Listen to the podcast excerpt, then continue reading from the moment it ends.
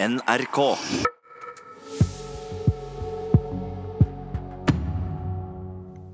I Kulturnytt så handler det om et enestående liv, Ugo Fermariello.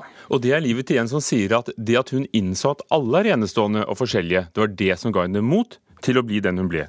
Og vi snakker om Kim Friele. Nå skal livet hennes bli teater. I hele sitt liv har forfatteren og aktivisten Kim Friele kjempet for homofiles rettigheter. Hun var en av de første som tok opp spørsmålet offentlig. Den nasjonale scene og Teater Innlandet går nå sammen om å sette opp et nyskrevet stykke som skal skildre både homokampen og Kim Frieles livshistorie. Det er en blanding av uh, uforståelighet, uvirkelighet og overveldenhet. Jeg vet ikke noe annet å svare, for det. jeg trodde det at det var bare mennesker som var døde, jeg man laget teater om, eller, eller ikke et uh, sprudlende, levende menneske.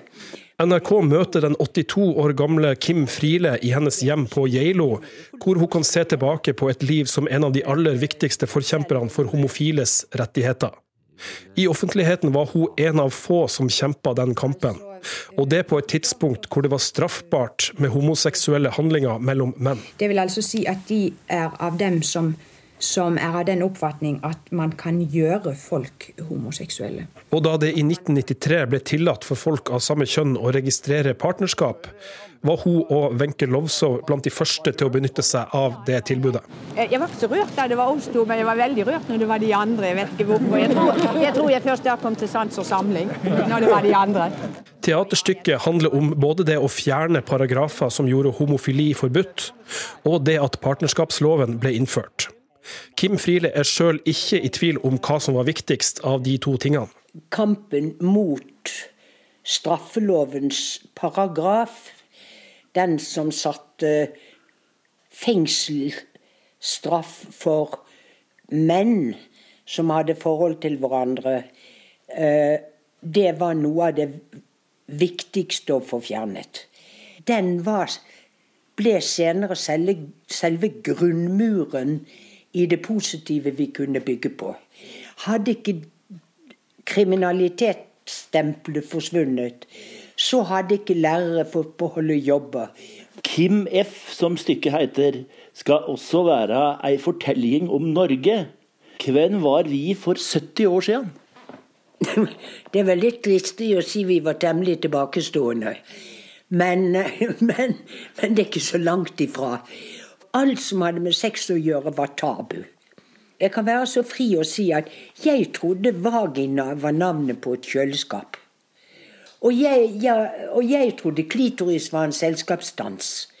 Altså, Jeg kan flire av det i dag, men det var de brutale realitetene den gangen jeg var tolv år. Ser du på deg sjøl som en helt i ditt eget liv? Nei, men jeg ser på meg selv som en som aldri har betvilt at jeg har rett til å være meg, om jeg er aldri så underlig eller opprørsk eller hva. Sa Kim Friele, og det fortalte hun til eh, vår reporter Gunnar Grimstveit, som traff henne hjemme på Geilo. Og så hørte vi også reporter Oddvin Aune. Toril Solvang, dramatiker og også dramaturg ved Det Nasjonale Scene i Bergen. Det er du som skriver stykket Kim F, som ennå ikke er helt ferdig. Hva var det som har grepet deg mest? Ja, det, vi hørte henne her. Hun er jo utrolig frittalende. Og, og det syns jeg er veldig fint med henne. Hun snakker veldig fornuftig og rett frem. Men det som kanskje har grepet meg mest, er jo det at hun har kjempet for kjærligheten. Eh, og, det er det viktigste, syns jeg. At eh, dette er en historie, eh, norgeshistorie, ja. Absolutt, om alle disse kampene som har med de homofiles rettigheter, men det har også eh, nesten mye mer med kjærligheten å gjøre. Retten til å elske den som man elsker, og være den som man er. Så det griper meg. Vi, vi hørte at du, du, får lov til å ta deg friheter, men, men det er jo et stykke om et uh, høyst sprell levende menneske. Så hvilke, ja. hvor mye friheter har du tenkt å ta deg? Hvor mye legger du deg opp til det biografiske? Eh, sånn eh, Tidslinjemessig så legger jeg meg ganske nærme kan du si, hva som skjer i norgeshistorien. For det er noen viktige punkter, f.eks. det hun snakket om her med paragraf 213. Så eh, jeg prøver å Man må jo fiksjonalisere, for det skal jo settes på spissen, og det skal på en scene. Og være tydelig over et litt kortere eh, tidsrom. Eh, men jeg tar meg noen friheter, fordi jeg dikter inn en person og, for å få det tydelig og dramatisk på scenen. Kim Friele elsket og giftet seg med høyrepolitikeren Wenche Lowzow, og de opptrådte offentlig mm, tidlig på 70-tallet og, og, ble et kjent par. Hvilken plass får eh, Wenche Lowzow i historien din? Hun får en veldig stor plass. Hun hadde en stor plass. Hun er jo den store kjærligheten. Eh, så det møtet mellom dem er jo eh, viktig, rørende. Og det er liksom navet i, i min historie, da. Det var en tid som vi hørte da Kim Friele selv som ung trodde at vagina var et kjøleskap og, og klitoris en selskapsdans. Hvordan portrettere det på scenen? Nei, altså Vaginaen? Nei eh, Tiden. tiden, ja. Nei, det, jeg prøver å gjøre det sånn at eh, jeg ser på tiden som går. Eh, og akkurat hvordan vi skal gjøre det, det, det har regissøren eh, Audny Chris Holsen noe med også. Men eh, det er på en måte eh, Ja, hva skal man si? Jeg prøver å se Tiden har noe med dette dramatiske verket å gjøre, da, rett og slett. For tiden har gått, og noen har kjempet for oss. Men eh, ja. Hvordan finner du ut av alt? Har du, har du, møtt Kim Friele? Har du lest boken hennes fra 1972 om homofili? Ja, det har jeg lest ganske mye fra den tiden. Og så har jeg lest eh, den boken av Henmo som heter 'Kampene'. Og så har jeg eh, snakket med noen fra, som heter um, Late Bloomers. De har vært veldig viktige for meg i researchen. Folk som kom ut av skapet sent, altså? Ja. De tilhører organisasjonen FRI som den som var eh, den organisasjonen som Kim Friele drev. Forbundet 48. Riktig. Ja, Men jeg har ikke møtt Kim Friele, for det skjedde ganske mye i hennes liv når eh, Wenche ble syk, og så døde hun jo. Men nå høres hun jo ganske hun er jo like levende som alltid. Jeg har en følelse at døren på Geilo står åpen for deg. Å, herlig! Ja, det var kjempeglad. Etter å ha hørt intervjuet og etter hvordan hun tok imot vår journalist. Fortell meg, eh, Toril Solvang, og fortell oss. Eh, det blir premiere til høsten. På, det skal spilles da både på Teater Innlandet og Den nasjonale scene, og vi håper ja. på turné. Men mm. vet du mer om hvem som skal spille Kim? Nei, det vi vet er at det er en skuespiller fra Den nasjonale scene. Det er alt vi vet på det nåværende tidspunkt. Så det er litt spennende, da. Takk skal du ha. Toril Solvang, dramatiker i ferd med å skrive stykket Kim F om Kim Frieles liv.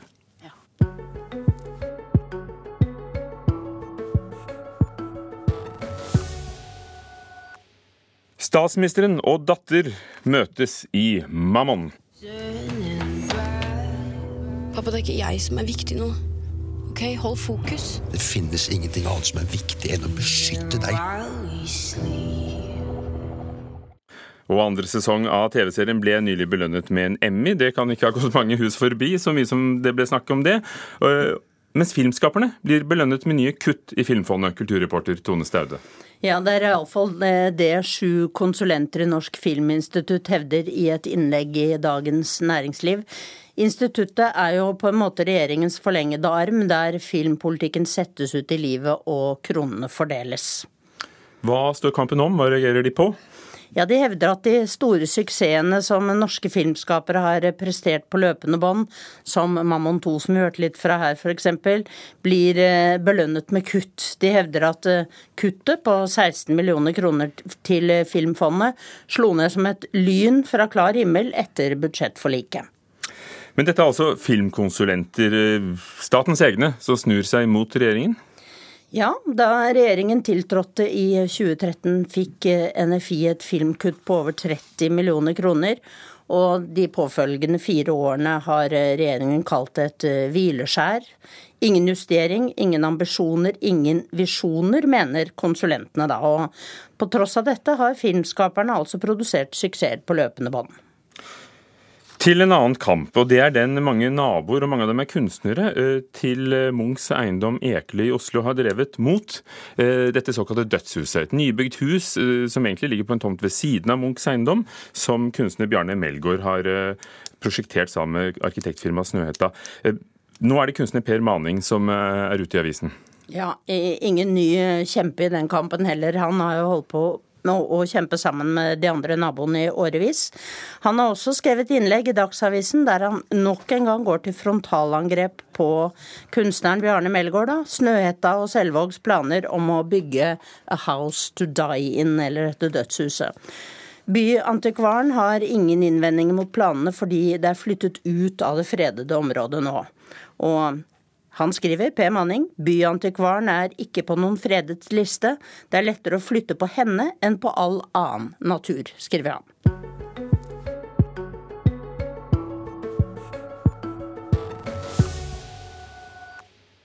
Det skal handle om fotokunst, for det er det flere gallerier, museer og kunsthaller som viser for tiden. Og en av de store, Henny Onsdag kunstsenter, har nettopp bestemt seg for å satse langsiktig på fotografi, og over hele landet viser gallerier verker av fotografer.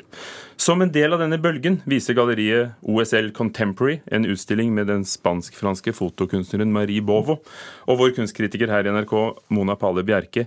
Hvorfor, av alle, er det henne du vil trekke frem?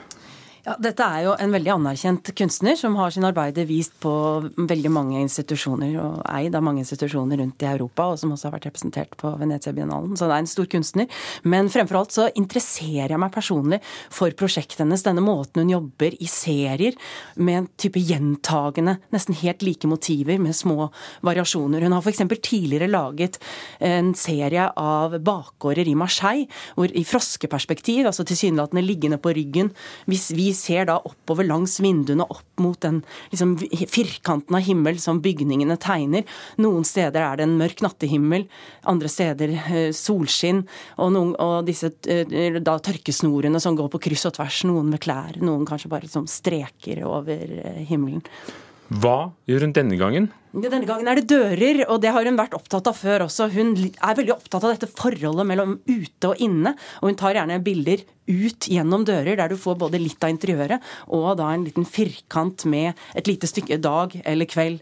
Og hun har da reist i tre måneder på nyåret 2017 gjennom Russland og det gamle Sovjetunionen, og der hun da har tatt bilder ut gjennom togdører på landskapet. Eh, og da er det jo veldig, veldig sånn Du får merker at hun ikke har noe eierskap til disse stedene, at det ikke er steder hun har forbundet seg med. Er, hun er på vei videre. Og det er eh, slitt, slitte hus, det kan være en gammel benk hvor malingen er i ferd med å skalle av, eller bare noen frosne trær da, som strekker sine grener mot uh, himmelen. Hmm. Hva vil hun si oss, da? Altså, hun er jo en kunstner som nesten på en måte man nesten kan se på disse fotografiene som abstrakte komposisjoner. Hun er så perfeksjonistisk i forhold til koloritt og formelementenes plassering. Eh, men eh, samtidig så ligger det alltid masse underliggende fortellinger i arbeidene hennes som vi på en måte selv må dikte inn. Vi får jo litt informasjon. Vi vet at disse bakgårdene i Marseille var i migrantkvartaler. Og vi ser på klærne som henger der, og tenker på immigrantenes liv og dikter det inn i bildene. Og i dette, disse aktuelle bildene så er det jo det gamle Sovjetunionen. Det oppleves liksom litt som tiden har stått stille. Vi, vi, så det er denne tidløse opplevelsen, og vi, vi dikter det inn opp mot dette at vi vet at det er det gamle Sovjetunionen og det vi vet om det. da. Marie Bovo på galleri OSL Contemporary, altså samtid. Eh, hvordan vil du oppsummere inntrykkene dine? Altså, det er en, eh, jo, en, en veldig interessant eh, kunstner, dette her. Og jeg syns liksom bildene hennes fremstår nesten som indre bilder. Som hun på en måte insisterer på det samme motivet om igjen og om igjen. Det er som en type grunnleggende erfaringer inn, ut gjennom en dør. Disse, disse blikkene, disse hastige blikkene. Så jeg synes det er en veldig, veldig spennende kunstner. Jeg vet liksom ikke om jeg liker bildene, de gjør meg litt melankolsk, men jeg liker bilder som eh, beveger meg, eller som gjør noe med meg, som gjør at jeg føler meg som en litt annen når jeg går ut av galleriet enn da jeg gikk inn. Er du glad for at det er en sånn skal vi si, bølge av fotokunst over landet, som du, ja, som du hevder? Det syns jeg er veldig veldig fint. Jeg synes Det er veldig fint at uh, det er fokus på fotokunsten nå. Egentlig litt rart nå når vi på en måte drukner i fotografi på alle kanter. Men jeg syns det er veldig fint at vi kan se hva fotografiet har vært, og hva det kanskje ikke lenger er i dag. Takk skal du ha. Mona Palle Bjerke, vår kunstkritiker som skaper uh, fotografi på radio.